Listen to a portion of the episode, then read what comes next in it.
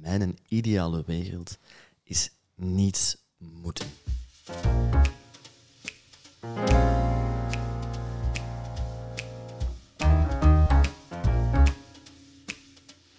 Ik ehm, ben 44 jaar. Ik heb halverwege, op mijn 30 jaar, heb ik een carrière switch gedaan. Dat is niet halverwege. Nee, dat is waar, dat klopt. Ik, ben nu, ik doe nu een heel ander job. Hè. Ik uh, regisseer en ik fotografeer. En toen ik ermee begon, dacht ik, Nico, binnen drie jaar stond jij aan een top. Drie jaar later was ik nog altijd aan het knoeien. Ik ben nu 14 jaar later na die beslissing. En eigenlijk vind ik dat ik nu... 14 jaar lang? Zit je al 14 jaar aan het fotograferen? Ja. Ken ik je wel zo lang? Ja. Allee, joh. Crazy, man. En langer zelfs. Hè. Allee, joh. En um, dat het knoeien.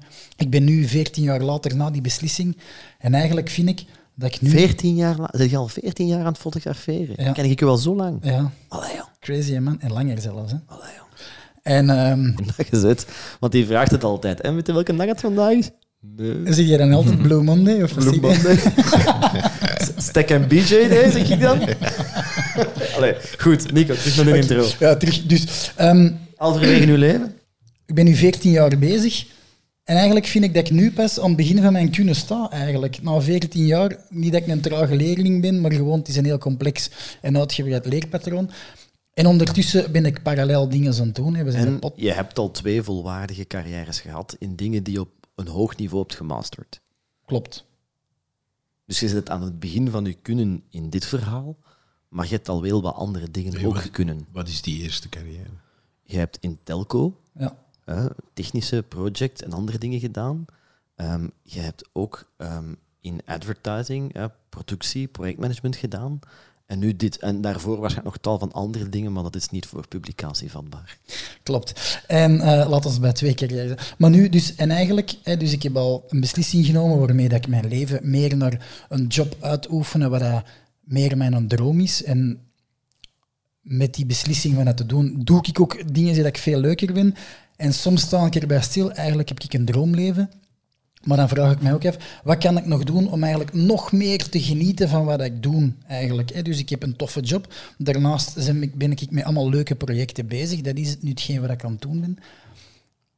En dan vraag ik mij af, ben ik mijn droomleven aan het leiden? En wat is mijn droomleven? Is mijn droomleven veel geld verdienen en alles kunnen kopen? Of is mijn droomleven toffe jobs doen, genoeg geld verdienen en daarnaast ook nog leuke dingen kunnen doen? Voor mij bijvoorbeeld heel die... Um, luxe en al die zaken is voor mij geen droomleven. Voor mij is een droomleven dat ik um, mijn eigen zinvol, naar mijn invulling van zinvol, kan bezighouden, mijn eigen kan amuseren, productief zijn, uh, inhoudelijk zijn, met wat technisch bezig zijn. Dus hoe ervaren jullie dat? Zitten uw droomleven aan het leven of niet? Of er naartoe aan het werken? Er naartoe aan het werken zeker wel. Maar ik vind dat grappig dat je in je twee alternatieven iedere keer geld toch zeer nadrukkelijk vermeld hebt. Heb ik dat gedaan? Ja. Ah, ja. Uh, is het aan de ene kant uh, veel geld verdienen zodat ik alles kan kopen, of aan de Goed, andere kant... je geld verdienen, daarmee bedoel ik correct. Ja. Ik denk... Uh, hoe ouder dat je wordt, ik weet niet of dat met leeftijd te maken heeft, maar in mijn geval heeft dat met leeftijd te maken. Hoe meer belang dat je hecht aan echt zinvol dingen doen voor jezelf, en hoe minder belangrijk dat dat materiële is. Uh, als ik denk aan waar ik naartoe wil, wat ik wil doen, dan is dat inderdaad, we hebben dat in, in, in een vorig gesprek ook gezegd, ik ga blijven werken, totdat ik erbij val. Maar wat is werken? Definiëren werken. In mijn geval is dat niet werken, is dat schrijven en daar hopelijk geld mee verdienen. Geld dat mijn, mijn, mijn zeg, behoeften, die altijd maar kleiner worden, zal dekken. Dus jij bent zo iemand die voldoet aan de voorwaarden dat als je graag doet wat je doet, dan hoef je nooit meer te gaan werken.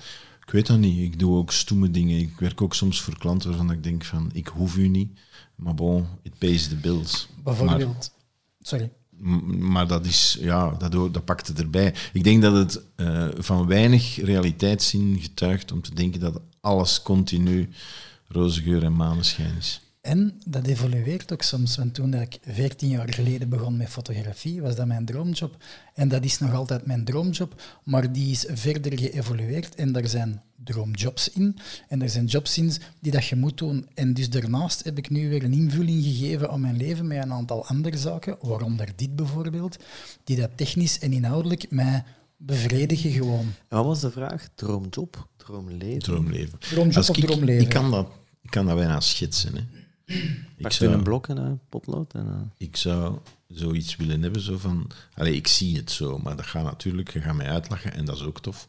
Zo een pezige, fantastisch mooie oude man in het zuiden van Eendertwaar, in zo'n klein huisje.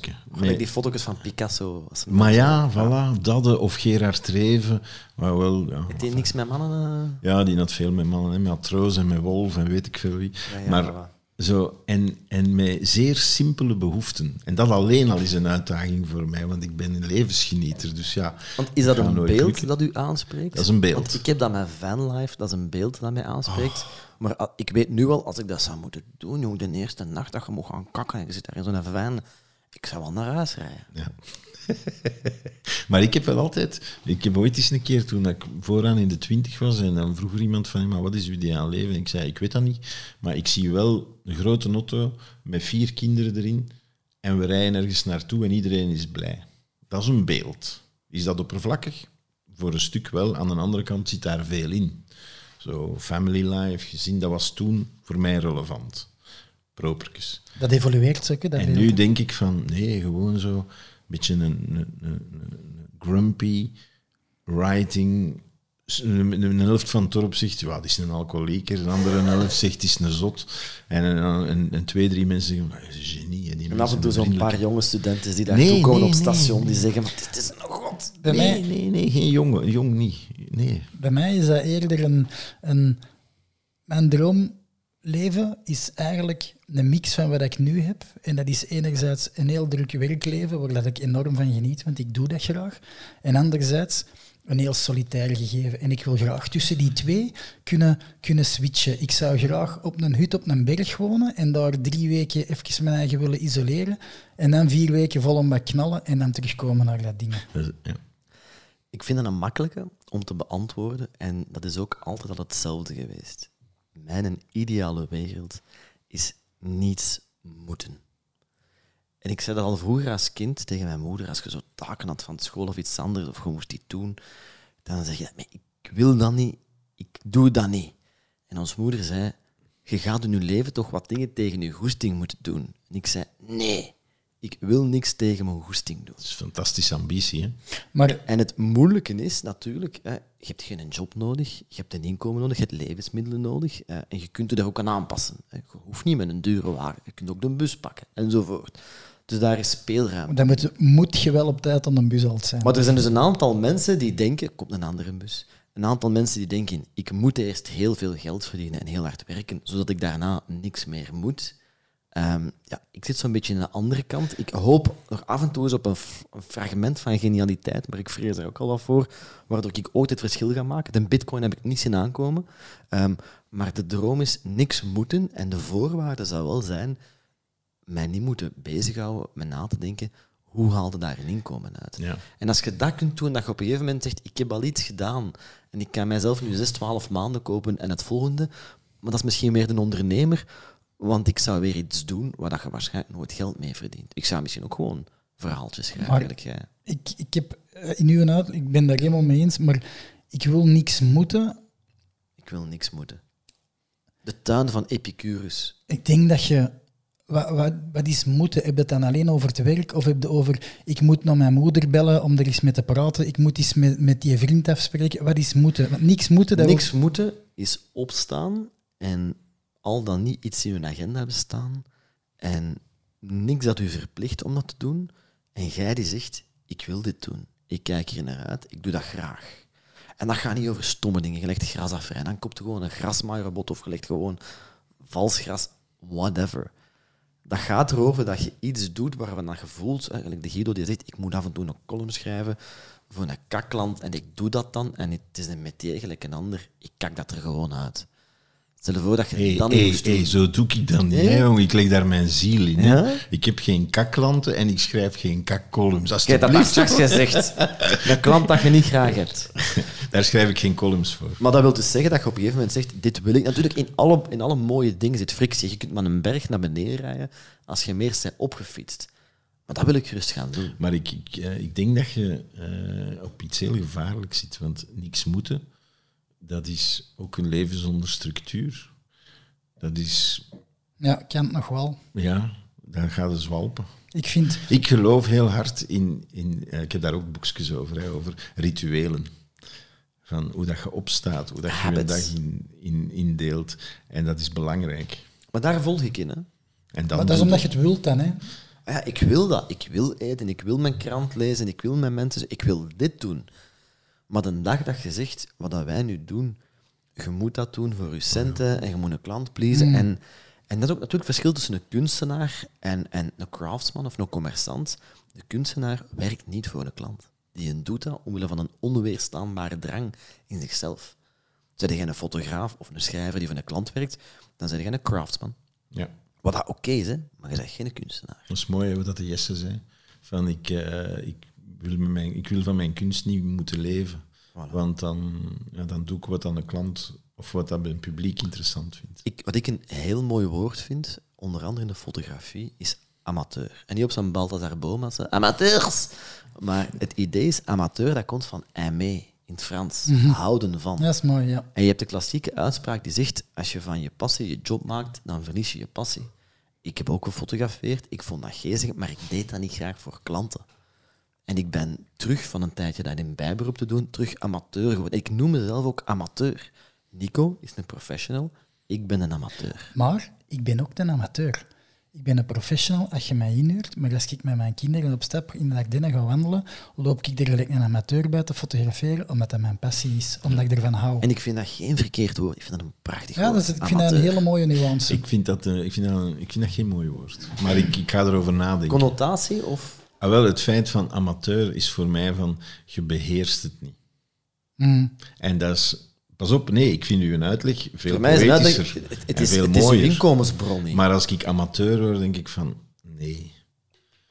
En ik, dat is ook zo gelijk hobby's en passies en, en dat soort dingen.